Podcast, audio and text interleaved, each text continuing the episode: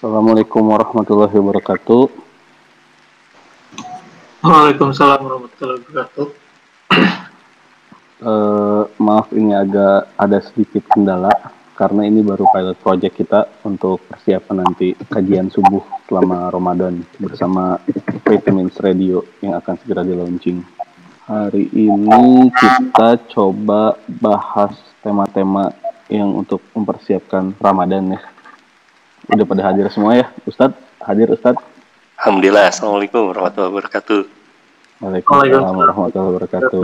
Gimana kabarnya bulan ini sehat? Alhamdulillah. Ya ini alhamdulillah ya dalam kondisi work from home ini uh, kita bisa ini juga nih bisa banyak bareng-bareng dengan keluarga ya. Hmm. Selalu ada hikmah. Kemarin kemarin juga kita hmm. share di Instagram gitu tentang hmm. hal-hal apa aja nih yang yang bisa kita syukuri gitu kan. Kalau sekarang kalau kita misalnya lihat di berita tuh kan suka aduh malah jadi tambah was-was gitu ternyata yeah. bagi teman-teman di vitamin kalau saya lempar pertanyaan banyak hal yang bisa disyukuri juga kayak jadi lebih dekat dengan orang tua jadi mm-hmm. lebih produktif masak-masak malah kayak gitu terus kayak ada yang nulis berbagai menu ya dicobain ya uh, iya jadi lebih dekat sama adik katanya bisa ngobrol sama oh, iya, adik iya. padahal biasanya nggak pernah ngobrol kayaknya di rumah Banyak Siapa tuh yang dekat sama adiknya? Kayaknya ada orangnya ya. Kayaknya ada di sini. Gak ada. Asal bukan adik-adikan aja. kita coba live dengan personil seadanya dulu. Ya kita mulai saja ya seperti ini. Ayo, nu. Alhamdulillah, Alamin. Jadi uh, lanjut langsung ke topiknya saya yang bakal dibicarain sama kayak tadi Abud bilang dan yang dilempar ya buat ya yang yeah. tentang uh, sebulan ini ya dan gak kerasa juga nih buat sebulan itu bahkan mungkin beberapa hari lagi tuh masuk ke bulan Ramadan gitu tinggal tiga hari ya ah tiga hari lagi nih yang yang beda nih dari tahun kemarin yang kita hadapinya bahkan malah di rumah gitu gimana start nih dengan kondisi sekarang terus menjelang Ramadan tuh gimana start iya yeah kalau kita sebagai seorang muslim kan ya, sebagai seorang mukmin itu dalam berbagai kondisi kata Rasul kan menakjubkan kondisinya. Kenapa? Karena kita punya keimanan dan sikap mental yang baik. Kalau dalam konteks hadisnya, tatkala kita diuji oleh Allah dengan yang namanya uh, kesulitan, kita sampai juga pada kondisi yang namanya sabar. Kalau kita sedang ada di dalam kelapangan, kita sampai juga dalam kondisi syukur jadi uh, tetapi di dalam hadis itu yang penting itu yang menariknya itu uh, azaban. Ajaban itu sampai menakjubkan menakjubkan kata Rasul ini sifatnya orang mukmin. Sifatnya orang mukmin. Jadi di garis bawahnya adalah orang-orang yang beriman. Karena kalau kita beriman kepada Allah Subhanahu wa taala, kita akan menyadari juga bahwa apa pun tuh ya yang terjadi hari ini termasuk juga kan ini adalah satu hal yang sudah disiapkan oleh Allah yang kita kenal juga bahwa Allah itu adalah yang maha cinta, yang maha uh, mengasihi, yang maha menyayangi kita. Jadi kitanya tetap seharusnya sih bisa bisa husnuzon dan bisa menikmati apa pun yang sedang diberikan oleh Allah itu. Kayak gitu kan. Uh, tapi kalau misalnya masa-masa Ramadan uh, sulit kayak gini tuh, saya juga pernah dengar ternyata uh, banyak juga di kejadian masa lalu tuh yang situasinya bisa jadi lebih sulit gitu. Kayak ada yang dalam perang gitu. Kayak Indonesia merdeka juga saat sedang Ramadan juga ya katanya ya. Itu ada cerita-cerita yeah, yeah. yang bisa dikaitkan dengan menjalankan bulan Ramadan di tengah musibah kayak gini nggak? Iya. Yeah. Yang pertama kan kalau kita bicara musibahnya dulu ya, warnanya hidup kita ini kan kata Allah Subhanahu wa taala alladzi khalaqal mauta wal hayata liyabluwakum ayyukum ahsanu amala. Kata Allah Subhanahu wa taala, Sesungguhnya aku menciptakan yang namanya kematian, aku menciptakan yang namanya kehidupan itu adalah liyabluwakum ayyukum ahsanu amala. Agar aku mengujimu dan agar kalian manusia itu menjawabnya dengan amal-amal yang paling baik. Jadi uh, framing berpikirnya kita, frame of thinkingnya kita terlebih dahulu yang seperti itu yang harus kita miliki bahwa yang paling penting itu dalam kehidupan kita tuh kita memahami bahwa dunia ini adalah panggung ujian. Satu, sehingga kalau kita bicara tentang panggung ujian nanti ada banyak tuh cara berpikir kita yang bisa kita uh, kedepankan ya. Yang pertama, berarti kalau dunia ini adalah panggung ujian, yang diuji di dunia ini bukan hanya kita. Satu. Yang kedua, ujian itu bukan hanya sekarang, tetapi dulu pun sudah ada. Itu yang kedua. Dan yang ketiga, manusia itu kalau sudah diberikan yang namanya ujian itu, ya terbagi nantinya menjadi dua. Ada yang berhasil, lalu kemudian dia belajar dari ujian-ujiannya itu, maka hadirlah manusia-manusia yang paling baik kalau dari para nabi hadirlah ulul azmi. Para nabinya saja sudah diuji oleh Allah. Tapi kemudian ini ulul azmi. Ulul azmi itu berarti orang yang sangat-sangat ujiannya itu sangat berat tetapi kemudian lolos. Nabi di antara para nabi ada yang ujian-ujiannya itu sangat berat, lebih berat dari nabi-nabi yang lain. Lalu kemudian mereka lolos. Sehingga kemudian akhirnya diberikan gelar ulul azmi. Ada penghulunya orang-orang uh, yang merupakan para kekasih Allah ini. Nah itu kemudian juga di zamannya Rasulullah Shallallahu Alaihi Wasallam itu kan ada para sahabat yang kita kenal sebagai ahlul ahlul badar. Ahlul badar itu siapa? Ahlul badar itu orang yang pernah bareng-bareng bersama dengan Rasul di masa kesulitan yang sangat sulit. Yaitu saat uh, umat Islam berperang. Saat umat Islam berperang, yang perangnya itu tidak seimbang. Umat Islamnya 313 orang, uh, orang-orang musyrikinnya, orang-orang kafir yang mau menghancurkan Islam itu seribu orang lebih, masya Allah dengan persenjataan lengkap. Sementara umat Islam itu tidak tidak siap dengan persenjataannya karena awalnya hanya sekedar sewor aja, hanya sekedar sewor aja untuk menakut-nakuti pasukan uh, Quraisy gitu ya atau menakut-nakuti kafilah dagangnya Quraisy. Itu uh, sehingga kalau tadi dengan rangkaian peristiwa-peristiwa itu ada beberapa yang memang juga masuknya ke bulan Ramadan. Misal di Perang Badar tadi yang disampaikan. Perang Badar itu terjadinya pada saat bulan Ramadan. Jadi terbayang masa yang sangat sulit, lalu kemudian ada di bulan Ramadan, di mana umat Islam sedang menghadapi beberapa hal ya, eh, perintah dan larangan dari Allah Subhanahu wa taala. Kemudian juga betul bahwa kalau misalnya kita bicara tentang bangsa kita, bangsa kita nih Indonesia negeri kita ini, di bangsa kita ini memang kemerdekaan kita kan di bulan Ramadan. Tapi jangan dilupakan juga bahwa bangsa kita ini 250 tahun itu berjuang untuk kemerdekaan bangsa kita. Berarti menghadapi atau melalui 250 tahun 250 kali bulan Ramadan. 250 kali bulan Ramadan dan itu kan tidak berhenti Ya, kalau saya hmm. memahami sejarah Indonesia ini, kita tuh bukan 250 tahun dijajah, tapi 250 tahun melawan penjajahan. Kan? Itu perang terus, meskipun perang-perang kecil ya, ada perang-perang besar, ada perang-perang kecil, tapi perlawanan tidak pernah berhenti. 250 tahun. Ini bangsa kita ini dikenal sebagai bangsa yang militannya subhanallah luar biasa sekali. Dan itu melewati juga bulan-bulan Ramadan. Di bulan-bulan Ramadan tidak menghentikan juga. Bahkan Futuh Mekah uh, pembebasan kota Mekah di zamannya Nabi Shallallahu Alaihi Wasallam itu pun terjadi di bulan Ramadan. Jadi sebenarnya ya tidak ada ini ya, tidak ada hal yang baru. Umat yang lain juga pernah mengalami Ramadan-Ramadan yang begitu sangat berat seperti uh, sekarang ini. Bahkan mungkin lebih berat dari kita dibandingkan dengan uh, kita ya, lebih berat mereka hmm. ini dibandingkan dengan kita ini. Kurang lebih seperti itu. Berarti baik lagi ke sebenarnya sama-sama ujian ya Ustaz ya. Dari yang zaman dulu juga sama ujian dan sekarang juga sama ujian. Hmm. Iya, dan namanya dunia itu kan darul ibtila, tempat kita diuji. Kalau hmm. kata Buya Hamka, kalau engkau ingin hidupmu tidak diuji, ya mati saja. kata Buya Karena selama kita hidup pasti akan kena yang namanya ujian itu. Pasti itu ya. sebuah rumus pasti dari kehidupan gitu ya Masya Allah berarti uh, di tengah kesulitan tuh kita tetap tetap melakukan ibadah Ramadan itu mungkin jadi lebih dekat dengan pertolongan Allah mungkin Ustaz. Insya Allah, kan esensinya dari bulan Ramadan itu menahan imsak. Esensinya asyam, asyam, uh, well imsak. Bahwa hmm saum itu adalah menahan diri. Nah, kalau menahan diri itu kalau nggak ada ujian kan, ya apa yang mau ditahan? Apa yang ya? ditahan?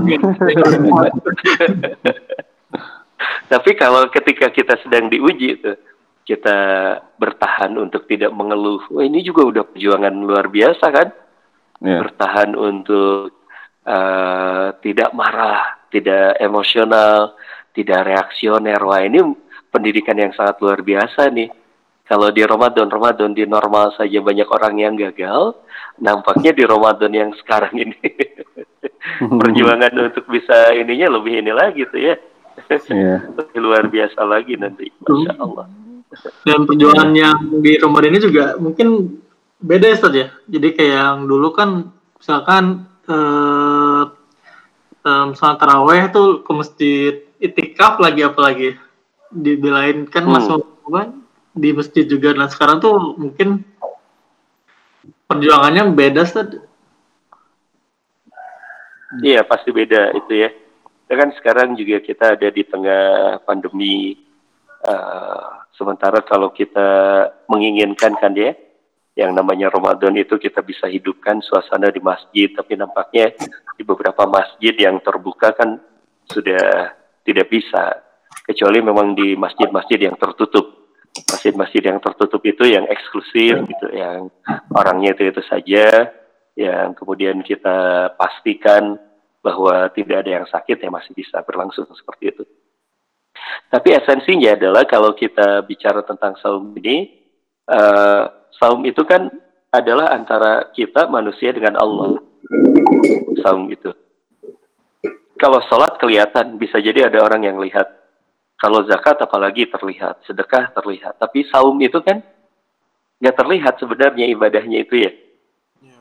Orang orang bisa pura-pura lapar, orang bisa pura-pura haus, orang bisa pura-pura nggak makan gitu. Hanya Allah yang tahu, hanya Allah yang tahu bahwa dia sedang melakukan saum atau tidak. Nah barangkali hikmahnya di sini kita berlatih tentang satu hal, yaitu bagaimana kita memaknai tentang ibadah-ibadah kita di bulan Ramadan ini. Misal ketika kita tidak bisa lagi itikaf, sekarang yang harus kita pikirkan dulu tuh itikaf tuh pengennya apa? Itikaf tuh tujuannya apa? Bisa jadi itikaf itu kan kita kebanyakan tidur juga di masjid. One off itu mah. Nah, Biasanya ngomong bisa jadi kemudian bisa jadi kemudian pas kita itikaf tuh gara-gara ada teman kita yang ngajakin eh seru-seruan juga gitu padahal yang namanya itikaf itu adalah ujlahnya. Seorang mukmin di bulan Ramadan yaitu menyendirinya dia bersama dengan Allah.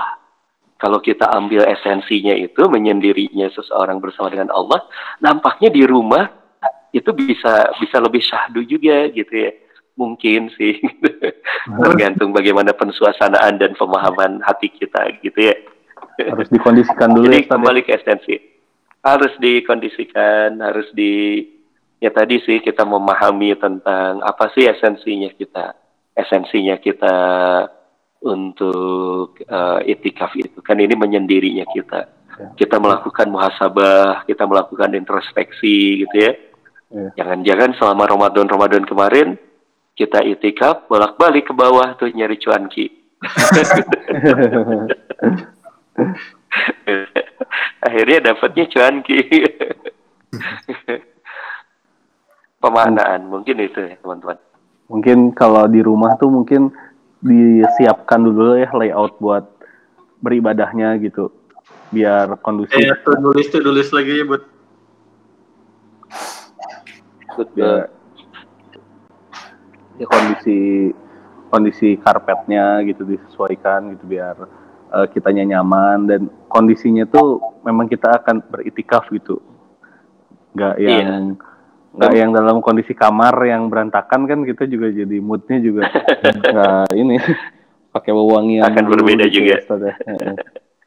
ya secara mental kita tetap siapkan kita sedang berujlah dengan Allah Hmm. kemudian juga tempatnya kita kita siapin juga ya biar nyaman lah ya Hmm. Kalau ada anak kecil, uh, tunggu berarti anak sedang tidur, udah tidur, Hmm. baru kita menyiapkan diri kita. Tetap kita punya waktu khusus. Tetap Ya, kita ya, punya ya. waktu khusus. Bahkan mungkin sekarang kita bisa berpikir seperti ini barangkali ya ini entah uh, yang ada di dalam pikiran saya seperti ini misalnya dulu kalau itikaf kita 10 malam terakhir nah sekarang di rumah aja ketika kita Ramadan di rumah saja uh, itu bisa tiap malam kita melakukan hal itu kan hmm. tiap malam hmm. kita melakukan kontemplasi melakukan muasabah kita sambil mengevaluasi setahun ke belakang seperti apa. Insya Allah kalau dengan cara seperti ini mungkin mudah-mudahan ketika keluar dari bulan Ramadan ini kita sudah menjadi uh, versi terbarunya kita yang jauh lebih baik lagi nantinya gitu. Cuman Ustaz kalau karena mungkin beda ya bulan mhm. -huh. eh, tahun kemarin kira-kira ada tips-tips tertentu gak saat biar, biar tetap istiqomah dan imannya tuh nggak nggak turun juga Ustaz. Soalnya kan kadang hmm. banyak juga sih teman-teman saya juga yang malah ngerasa bosen gitu di rumah. Padahal kan tentang ya. aktivitas dunia gitu. Apalagi tentang ibadah kan mungkin juga bakal kena kena juga gitu. Iya, maka yang pertama kali adalah kita harus memahami yang menguasai hati kita ini kan adalah Allah yang menguasai hmm. hati. Sehingga uh, pertama kali kita harus datang dulu nih ke Allah, minta tolong dulu ke Allah ya mukalibul kulub, ya mukalibul kulub, sabit kalbu, sabit kalbi ala dinik. Kita minta tolong dulu kepada Allah ya Allah yang maha membolak-balikan hati. Oh ya Allah jadikan hati ini menjadi hati yang sabit yang kokoh di dalam uh, agama ini. Kita minta tolong dulu sama Allah Subhanahu wa taala. Itu adalah kaidah yang pertama ya. Banyak di antara kita yang gagal dalam beribadah atau bahkan gagal dalam banyak hal itu karena kita nggak datang dulu sama Allah. Kita hmm. andalkan program-program program-program ah kalau misalnya kita nggak datang dulu ke Allah ya bisa bubar itu semuanya. Maka kita pertama kali harus minta tolong dulu sama Allah. Bahkan di awal kita mau nyusun program nih, ini mumpung kita kan berapa hari lagi kita Ramadan? Tiga. Beberapa hari lagi ya? Tiga hari ya. Nah tiga hari di bulan Ramadan, eh tiga hari minus eh, menuju ke bulan Ramadan ini kita banyakin minta tolong sama Allah. Ya Allah, mohon petunjuk, berikan ilham. Ini bagaimana sih untuk menghadapi Ramadan ini? Apa saja yang aku harus perbaiki? Tunjukkan jalannya itu, tunjukkan pengetahuannya. Nah itu nanti ditolong tuh sama Allah sehingga nanti uh, deadline nih misalnya H minus satu kita sudah punya program. Nah ini yang akan membuat kita tidak akan bosan, insya Allah. Itu uh, piawainya, pandainya kita mengatur waktu dari awal sampai akhirnya. Dari mulai uh, bangun di bulan Ramadan jam berapa nih gitu ya. Misalnya kita bangun jam 2.30, kita sudah bangun jam 2.30, apa saja yang harus kita lakukan. Habis jam 2.30 kita buat program sebanyak mungkin kita buat program sebanyak mungkin. Dengan hati yang uh, sadar memahami bahwa ini adalah sebuah proses tarbiyah, proses pendidikan tarbiyah Ramadan yang sedang kita lakukan. Dan kita sedang punya target juga kan, punya targetnya apa? Kita nanti di bulan Ramadan ini menjadi versi terbaiknya kita. Jadi ada keseimbangan yang baru, ada normal yang baru yang kita coba akan sampai ke sana. Dan normal yang baru itu adalah sesuatu yang kita rancang gitu. Hmm. Jadi kalau zaman sebelum Ramadan kita lisan kita misalnya seperti apa, nanti selepas Ramadan seperti apa. Di bulan Ramadan kita ingin menghatamkan Quran sehingga kita menjadi ahli zikir misalnya.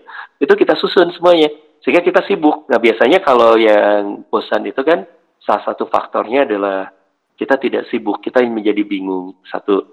Kemudian juga yang kedua, memang uh, kalaupun kita sudah susun berbagai agenda kita, kita pun akan mengalami yang namanya uh, ya perlu istirahat, perlu istirahat, perlu hiburan, perlu pensuasanaan. Dan bagaimana caranya istirahat, pensuasanaan dan hiburan kita termasuk di bulan Ramadan ini? Untuk pensuasanaan bisa seperti ini misalnya teman-teman di rumah kita lebih banyak lagi mendengarkan murotal Al-Quran misalnya mendengarkan murotal Al-Quran. Nah dari mendengarkan murotal Al-Quran itu kan suasana Ramadannya tuh terasa tuh suasana Ramadannya terasa sama kita ya. Atau kemudian uh, kita nyari tentang apa bukan uh, eh, MP3 apa gitu hadis tentang apa kan sudah banyak ya kita putarkan MP3 zikir gitu ya uh, kita sehingga suasana di rumah itu suasananya memang berbeda dengan suasana yang biasanya. Kalau biasanya mungkin kita masih mendengarkan ada ada musik, ada apa gitu. Sekarang kita ganti dengan Quran. Kalaupun musik ya ganti dengan salawatan mungkin. Ini hmm. juga minimal lah ya, minimal.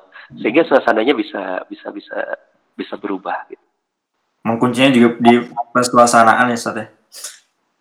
Pensuasanaan, iya.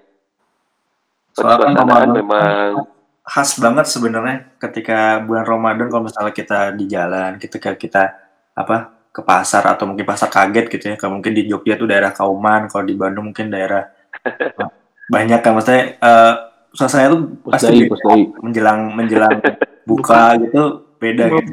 Ngabuburit. Ngabuburit. Ngabuburit. Iya. Persuasanaan. Di rumah juga kan kita bisa bikin suasana. Kita bikin suasana. Mungkin kalau dulu karena sudah ada suasana eksternal ya. Di luar rumah kita sudah dapat tuh suasana Ramadan. Hmm. Tapi kalau sekarang nampak kita perlu ada effort sedikit lebih untuk mensuasanakan di rumah.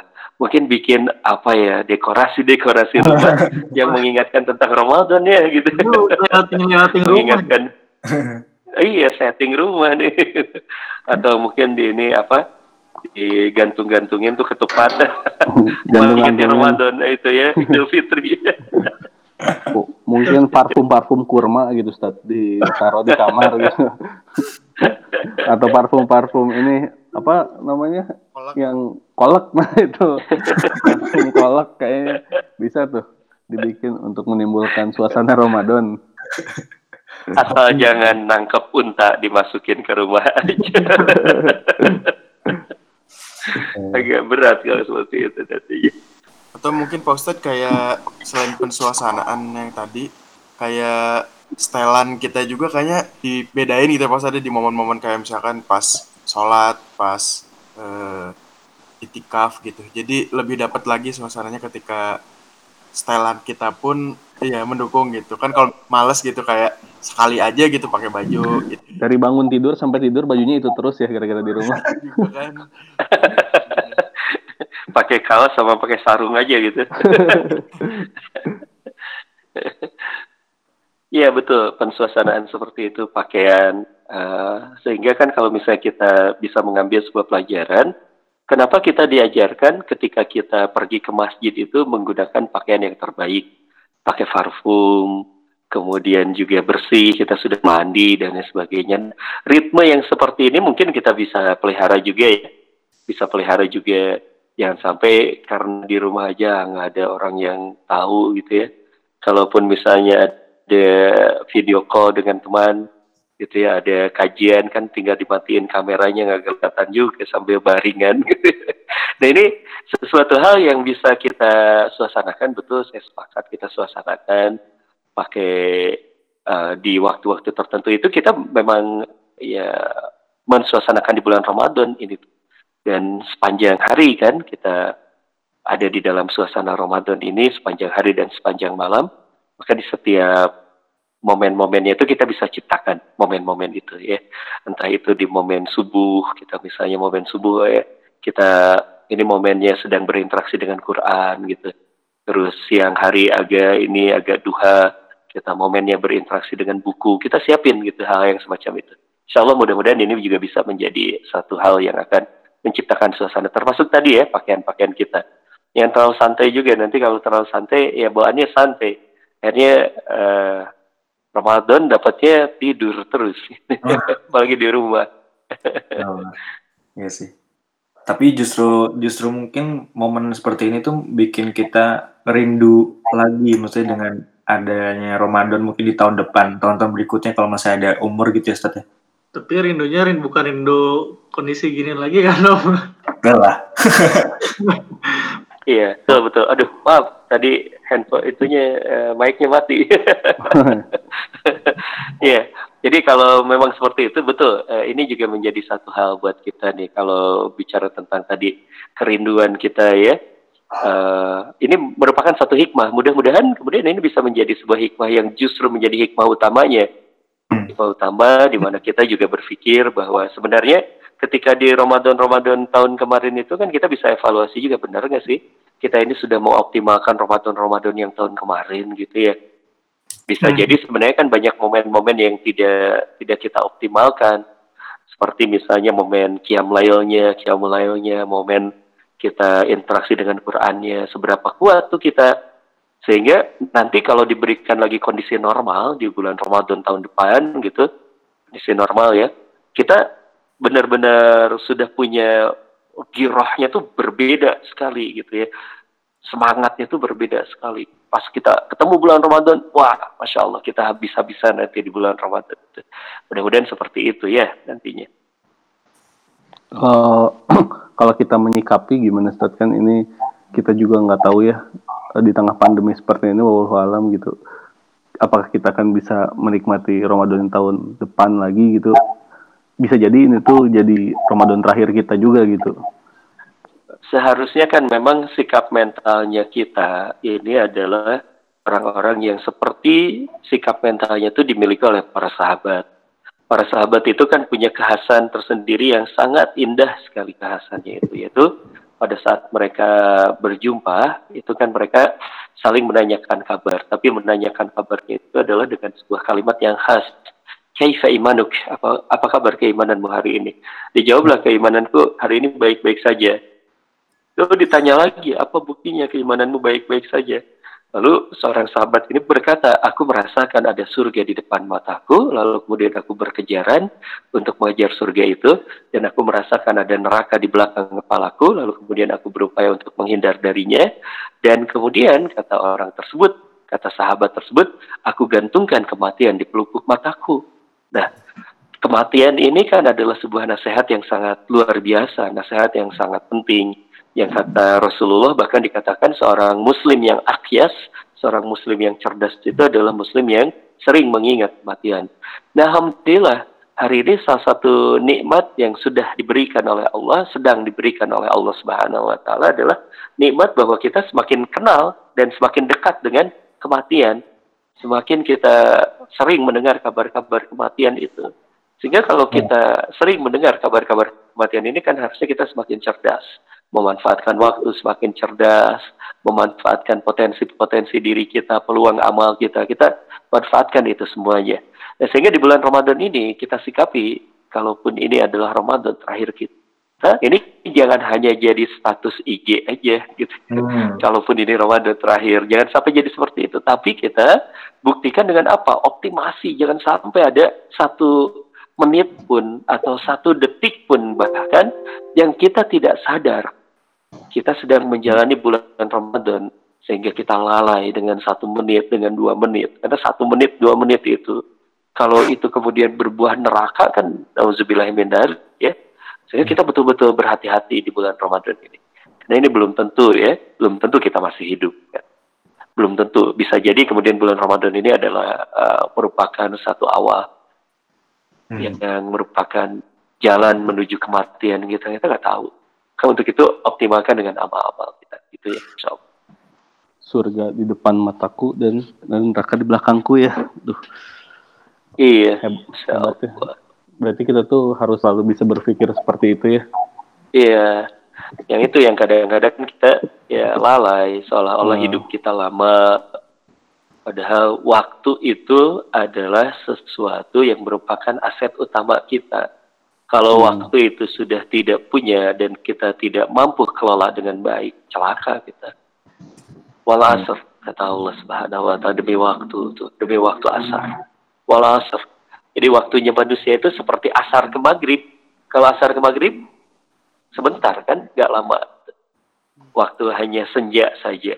Dan waktu senja itu eh, dari asar ke maghrib itu biasanya tuh orang lalai. Kenapa? Karena eh, coba kita sedang nikmati waktu asar jelang maghrib di pantai gitu. Sedang nyaksin sunset. Kan banyaknya kita pengennya santai we. Kita makan minum kita melihat pemandangan itu tahu-tahu gelap gitu. Begitu pula hidup kita. Kita Hmm. tuh seperti waktu asar dan waktu maghrib itu ada orang yang nikmatin waduh ini enak ya hidup tuh ya. Kita enak bekerja kita enak melakukan banyak hal banyak hal. Tahu-tahu mati tahu-tahu gelap menyelimuti. Kita siap-siap. Waduh ini celaka sekali kan? Nah ini Satu hal yang harus kita sadari, satu hal yang harus kita maknai, kehidupan kita ini seperti asar ke maghrib, cuma sebentar sekali. Sehingga kita harus bersiap-siap.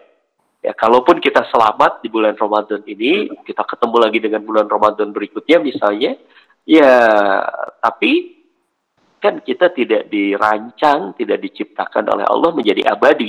Satu saat kita akan menemukan yang namanya kematian. Maka harus tetap tetap kita tuh harus bersiap-siap juga insya Allah. Hmm.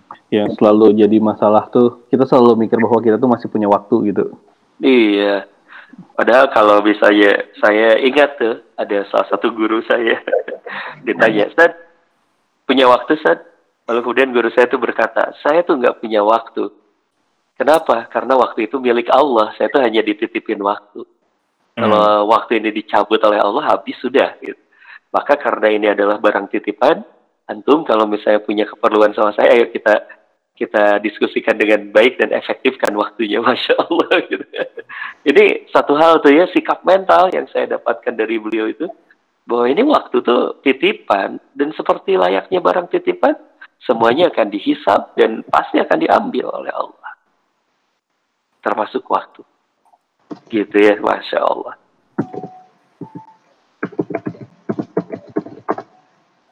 Berarti Ustaz dengan apa ya dengan puasa di tengah pandemi ini tuh juga bukan akhirnya jadi excuse atau mungkin jadi alasan orang untuk tidak berpuasa ya Ustaz karena kemarin-kemarin sempat ada tuh broadcast atau mungkin artikel yeah. yang sedikit menyesatkan dengan uh, kalau kita puasa malah justru kita bisa nurunin imun gitu.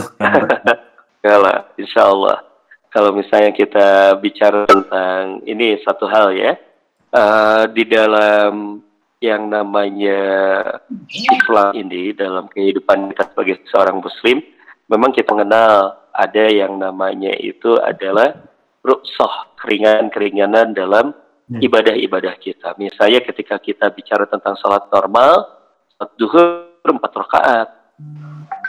Tapi kalau misalnya kita sedang berperjalanan bisa menjadi dua sholat itu bagi laki-laki baiknya yang paling baik itu adalah di masjid. Tapi ketika hujan itu kita boleh di rumah. Itu adalah ruksoh. Tapi kalau kita bicara tentang saum dan imunitas, justru saum itu meningkatkan imun kita. Hmm. Meningkatkan imunitas kita. Kayak saumnya uh, justru kan kalau misalnya kita uh, lihat tuh keterangan para ulama ya atau mungkin membaca kitabnya Ibnu Qayyim tentang Atiben An-Nabawi, pengobatan Nabi. Di sana salah satu hal yang bisa dilakukan terapi itu dalam beberapa penyakit itu saum, mengendalikan makan dan minum kan. Apalagi kalau kita kembalikan kepada sebuah hadis Nabi bahwa salah satu yang namanya awal dari penyakit itu adalah masalah perut, yaitu terlalu banyaknya kita memakan sesuatu tetapi ketika kita bicara tentang saum, saum itu kan mengatur sesuatu, mengatur asupan makanan kita, justru lebih bergizi, justru lebih teratur, justru lebih kalau misalnya ya, saya menemukan juga dulu saya pernah kena penyakit uh, mah misalnya, karena tidak teratur makan. Tapi di bulan Ramadan itu kan teratur makan saya, hmm. sehingga akhirnya jadi jadi jadi sembuh. Sampai sekarang nggak pernah lagi kena penyakit itu. Atau misalnya saya pernah berbincang dengan seorang sinseh, bahkan sinseh itu, ya, hmm. orang tabib Cina. Saya bicara dengan tabib Cina tersebut, dengan sinseh tersebut, ngobrol banyak dengan beliau. Beliau profesor juga. Beliau seorang ahli kedokteran timur. Saya ajak bincang. Uh, waktu itu topik pembahasannya tentang diabetes misalnya. Kata beliau, diabetes itu salah satu caranya untuk uh, mengobati itu jangan kita berpikir tentang memberikan obat karena obat itu faktor eksternal. Hmm. Tapi yang harus kita lakukan itu adalah memperbaiki metabolisme tubuh dan metabolisme tubuh itu salah satunya bisa diperbaiki lewat apa? Makanan, kata beliau.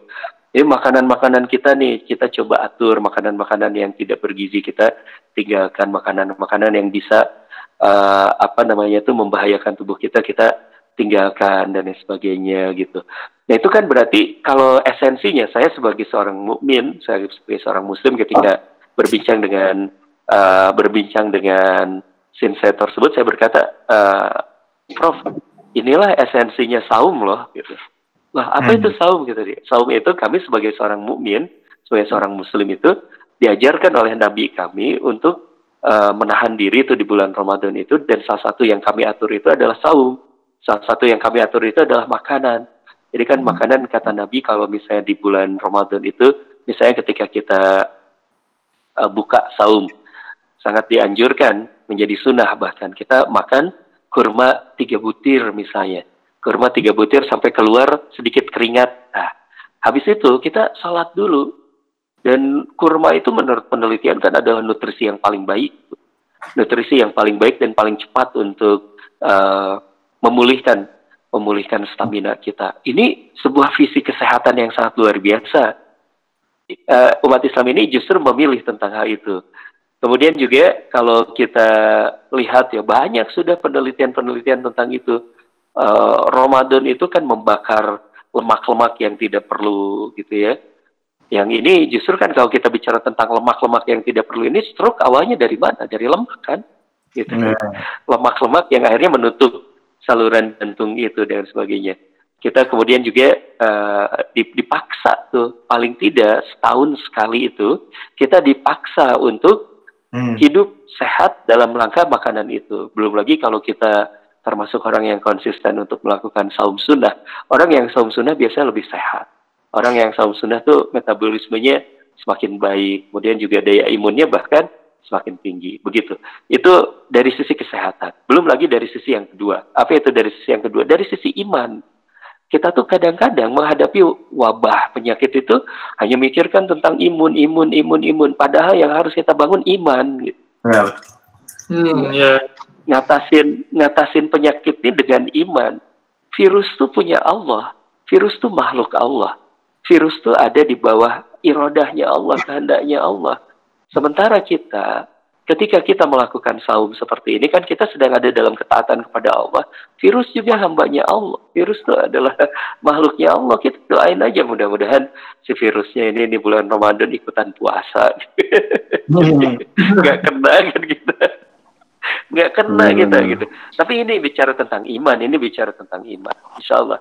Dan tidak ada peluang di dalam di dalam di dalam fikih Islam kita takut eh, virus lalu kemudian kita tidak puasa. Kecuali memang kalau sudah kena kalau sudah kena misalnya kemarin ada orang yang eh, menanyakan kepada saya "Ustaz, gimana nih saya? Sedang ada di dalam eh, satu hal yang harus makan obat teratur dan sebagainya. Apakah saya boleh tidak puasa? Kalau itu boleh anda boleh tidak puasa.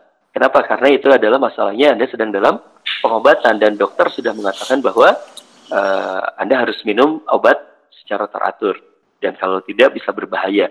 Kalau seperti itu beda kasusnya. Tapi kalau kasusnya kita ini kan juga lagi pula kan kita tinggal di rumah juga kan, tinggal di rumah kita juga dan insya Allah tinggal di rumah kita dengan prosedur keamanan yang maksimum ya insya Allah tidak. Mudah-mudahan kita tidak termasuk yang kena itu. Bahkan saya tuh sering berpikir secara logika sederhana seperti ini saja. Logika sederhananya seperti ini. Nih, teman-teman. Kan di masa-masa sebentar lagi PSBB, ya, bulan eh, tanggal eh, hari Rabu nanti. ya. Kan itu ada tempat-tempat yang tetap buka kan? Tempat-tempat yang tetap buka tuh misalnya perbankan masih tetap buka tuh. Kemudian juga eh, toko-toko yang menjual makanan dan minuman masih tetap buka kan? Kemudian Iya. juga ada logistik, logistik masih tetap boleh jalan. Kepolisian nggak tutup kan? Ya. Kepolisian nggak tutup tuh. Tentara, markas tentara nggak tutup kan? Sekarang pertanyaannya apakah mereka kebal terhadap virus? Hmm. Ya. Kan enggak ya. Cuma yang dilakukan oleh mereka adalah maksimum security itu kan. Maksimum security itu. Nah apalagi kita yang ada di rumah. Hmm. Apalagi kita yang ada di rumah. Dan kita ada di rumah ini adalah eh, juga hanya menjalankan saumnya saja. Wah, kalau itu sih dengan maksimum security kita eh, tampaknya eh, jauh lebih kecil terpapar daripada orang-orang yang tadi kita sebutkan masih buka, masih aktivitas itu gitu ya. Mereka saja dengan maksimum security seperti itu, insya Allah mereka nggak kena. Tukang parkir masih ada nggak? Iya. Masih kan? Tukang parkir pakai maksimum security nggak? Pakai APD Ustaz. kan nggak pakai APD dia gitu. Dan Jadi insya Allah lah ini adalah ya Iya, gimana? iya iya benar. Jadi Jadi ya bagi, iya, ini bagi kan kita masalahnya yang masalah iman. Heeh, bagi kita yang apalagi sering depan komputer doang gitu ya di rumah juga nggak usah beralasan Iya. bahwa puasa akan menurunkan imun gitu. Ya. Tapi memang saya ingin ingin menyampaikan satu hal. Perintah eh, berpuasa itu adalah ya ayyuhalladzina amanu. Wahai orang-orang yang beriman. Wahai orang yang tidak punya iman tidak akan terpanggil. Dan kemudian juga kalau kita bicara tentang ini semuanya, ya ini juga kewajiban bagi orang Islam aja yang punya beriman, yang punya iman yang bagus juga, yang ingin punya ketakwaan. Tapi kalau misalnya dia memang ya tidak beriman ya nggak usah lah komen tentang ibadahnya kita. Kemudian juga kalau kemudian imannya masih sakit ya berarti yang harus kita perbaiki ya imannya kita. Gitu. Insya Allah ini mah saya jadi ingat bercandanya waktu pas kecil gitu ya, pas ngebahas bab tentang saum itu. Ya ayyuhalladzina amanu, wahai orang-orang yang beriman. Yang tidak beriman tidak hai. Gitu. Maksudnya adalah maksudnya adalah yang tidak beriman mah nggak disapa dengan ayat itu. Yang tidak beriman mah tidak hai. Gitu. ini 90-an banget Ustaz itu Ustaz. Zainuddin MZ. 90-an. Saya masa kecil kan tahun 90-an. rasa 90-an aja tadi. Wah, ini nih ada Ada selebgram 90-an. Assalamualaikum, ada Amang Awa sama Satria nih baru bergabung di sini. Assalamualaikum Tad. Assalamualaikum warahmatullahi wabarakatuh. Masya Allah. Sehat Pak Awa? Alhamdulillah. Alhamdulillah. Ustaz sehat Ustaz? Alhamdulillah sehat. Ngalamin ya yang bahasan Ya. begitu. Hai orang-orang yang beriman yang tidak beriman tidak hai itu ya. Al- sangat mengalami. yang bikin mana itu?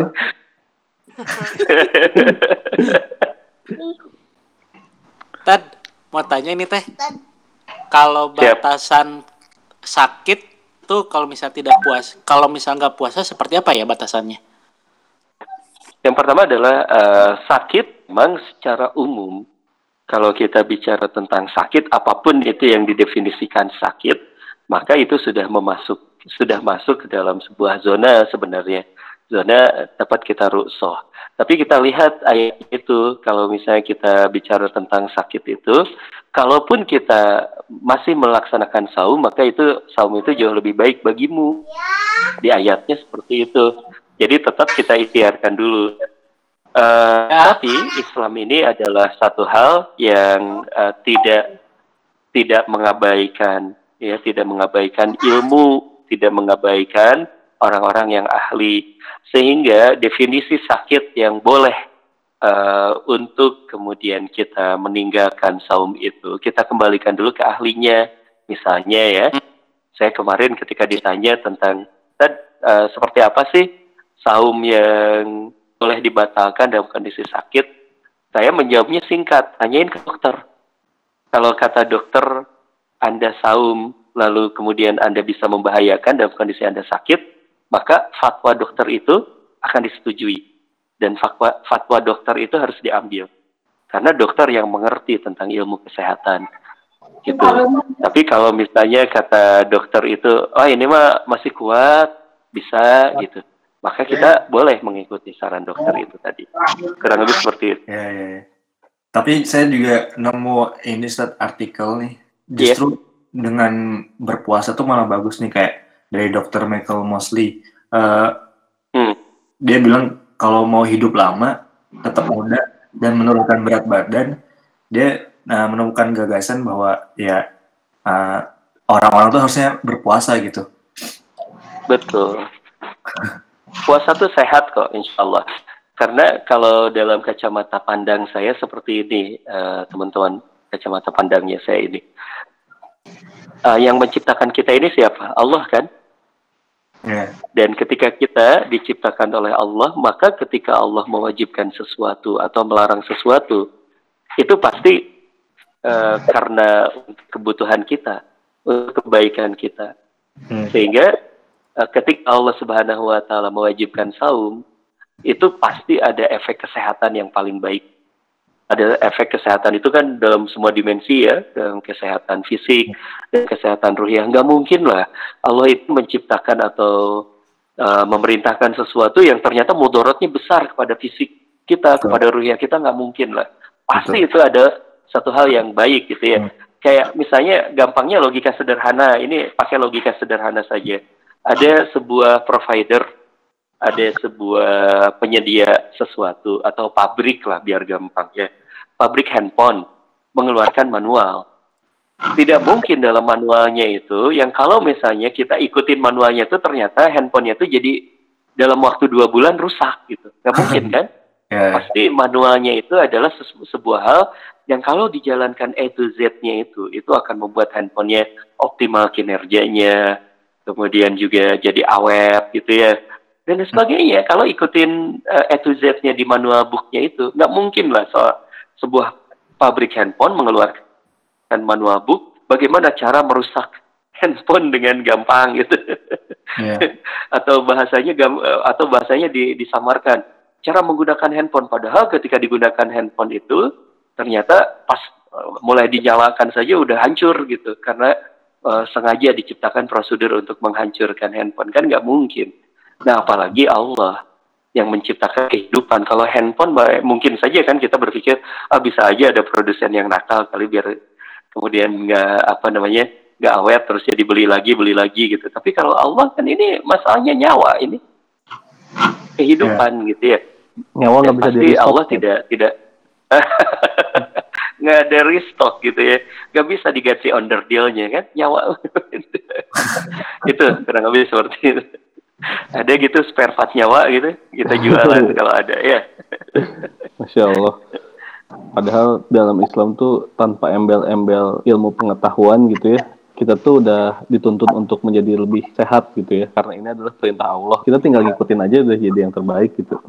betul dan kalaupun kita menemukan sebuah penelitian-penelitian ilmiah itu pasti menguatkan pasti Ya. menguatkan bahwa ternyata Islam ini benar dan menguatkan tentang praktek-praktek gaya hidup kita Islamic lifestyle yang sesuai dengan Al-Quran dan As-Sunnah ini semakin kita ngikutin Islamic lifestyle kita maka kita akan semakin sehat. Coba aja misalnya buktinya ya.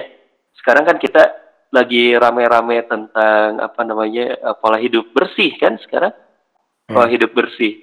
Kita cuci tangan kita segala macam. Padahal dalam kitab fikih di kitab fikih apa pun bab awalnya pasti tentang toharoh kan?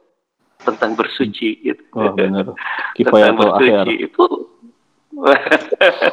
itu subhanallah tuh mengingatkan kita tentang bersuci itu. Bahkan kemudian kan salah satu kebiasaan baik itu kita memelihara wudhu berarti kalau memelihara wudhu apa pun tuh itu kita sering cuci tangan kita. Ya sering cuci tangan kita sering kumur-kumur kita bersih badan kita bahkan kita berupaya untuk menghindarkan dari najis dan sebagainya penyebaran bakteri penyebaran virus itu dari kotoran salah satunya umat Islam sudah memikirkan tentang itu semuanya Allah sudah memberikan kita untuk suci eh, badan, suci pakaian dan suci tempat kan. Gitu. Dan kalau misalnya eh, pola kehidupan Islam ini dijalankan dengan baik, yaitu bakteri-bakteri yang seperti itu tuh nampaknya tidak akan atau virus-virus seperti itu tuh tidak akan terlalu terlalu mewabah seperti inilah gitu ya insya Allah. Benar-benar. Tapi mungkin kemarin Ustaz, saya kan ini ya, eh, dengerin apa ya mungkin podcast lain ya.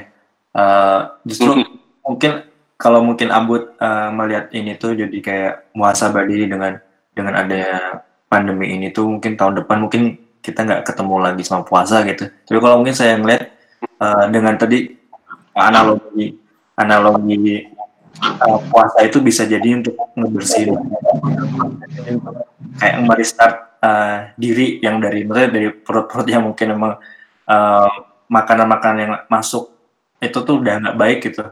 Nah sebenarnya kalau dia kemarin nggak dibahas tuh uh, siklus uh, apa ya uh, apa yang terjadi di sekarang nih sebenarnya ya bukan virusnya itu ternyata bukan bukan bukan corona tapi sebenarnya virusnya itu kita sendiri gitu karena uh, ya per- perilaku kita yang ter- yang mungkin sejak zaman revolusi industri itu tuh udah rusak banget gitu. Dengan ya um, mungkin dengan sistem sistem kapitalis yang ada mungkin ya kalau bahas sedikit ke sana. Karena konsum, konsumtifnya orang dengan banyaknya sampah segala macam itu merusak bumi. Dan bumi itu perlu perlu restart perlu, perlu istirahat gitu. Dengan dengan ada ini dengan ada nggak ada yang manusia sok kayak di Jakarta uh, polusi berkurang uh, uh, langit tuh jadi lebih biru banget ya.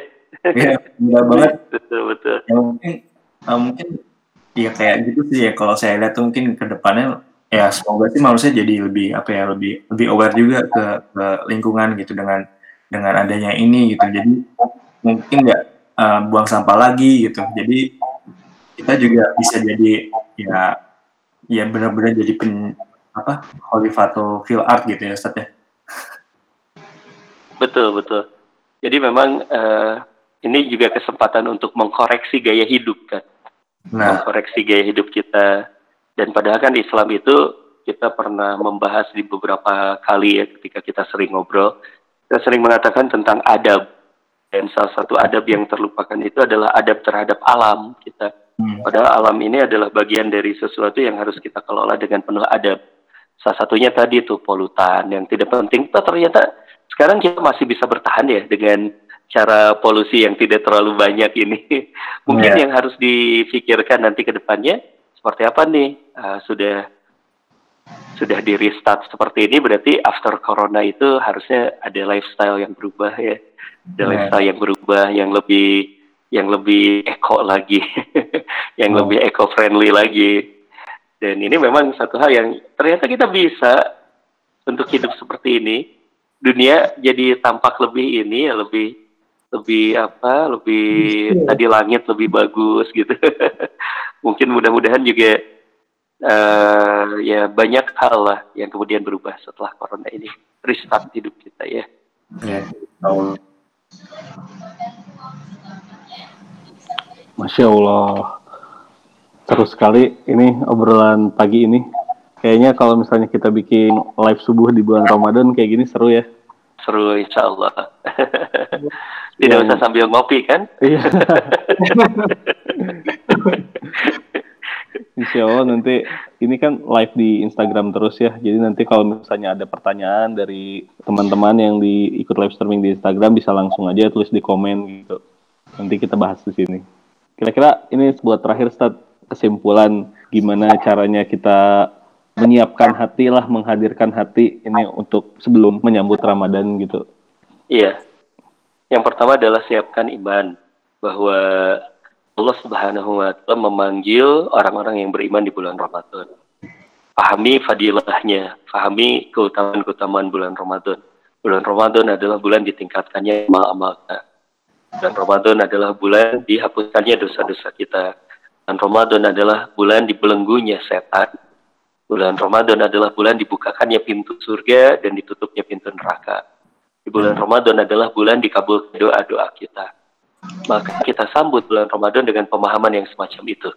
Kalau kita dari bulan Ramadan, bulan Ramadan hampiri hidup kita, kita banyak tadi itu. Perbanyak kita berdoa kepada Allah, termasuk juga kepada Allah agar kita selamat dari pandemi ini dan pandemi ini segera hilang dari muka bumi ini.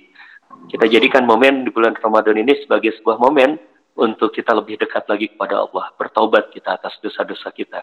Bukan hanya dosa individual kita, tapi dosa kita terhadap semesta raya ini, dosa kita terhadap alam ini.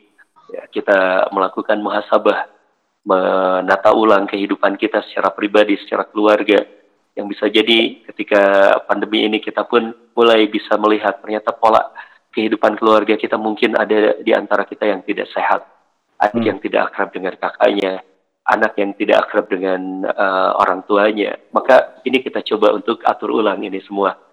Hmm. Pada akhirnya kita akan bersama dengan keluarga kita. Pada akhirnya sesibuk apa pun kita harus berpikir tentang keluarga kita juga. Pada akhirnya kita pun harus berpikir tentang diri kita. Dan yang paling penting adalah hubungan kita dengan Allah Subhanahu wa taala. Pada akhirnya toh kita akan sendirian. Kita akan terasing dari hidup dunia ini dan pada saat itu uh, seorang orang yang cerdas, seseorang yang cerdas adalah orang yang sudah memutuskan kehidupannya, bahkan sebelum kehidupannya itu memutuskan kehidupannya kepada dirinya. Yang artinya adalah dia sudah berpikirnya tentang akhirat, dia sudah melambung tinggi kepada Allah Subhanahu wa taala lalu dia menyusun kehidupannya dengan sebaik-baiknya persiapan di negeri akhirat. Mudah-mudahan bulan Ramadan ini menjadi persiapan terbaik kita dan Allah mengampuni dosa-dosa kita. Lalu Allah Subhanahu wa taala juga menjadikan menyampaikan kita sampai kepada sebuah derajat takwa. Gitu ya kurang lebih. Amin ya, ya Allah. Ya, Masya, Masya Allah, berarti bisa dibilang bahwa Ramadan ini penuh harapan gitu ya, Ustaz ya. Uh, harus harapan harus kita hidupkan ya. Tafa'ul optimis. Oke. Begitu saja. Terima kasih teman-teman yang ada di sini. Ada Banu, Nov, Muawal, dan terakhir untuk Ustadz Agus juga. Terima kasih dan Mang Awa dan Satria juga tadi udah hadir. Uh, kita akan bertemu lagi di lain kesempatan. Subhanakallahumma wa bihamdika asyhadu alla ilaha illa anta astaghfiruka wa atubu ilaik. Assalamualaikum warahmatullahi wabarakatuh. Waalaikumsalam. Waalaikumsalam warahmatullahi wabarakatuh.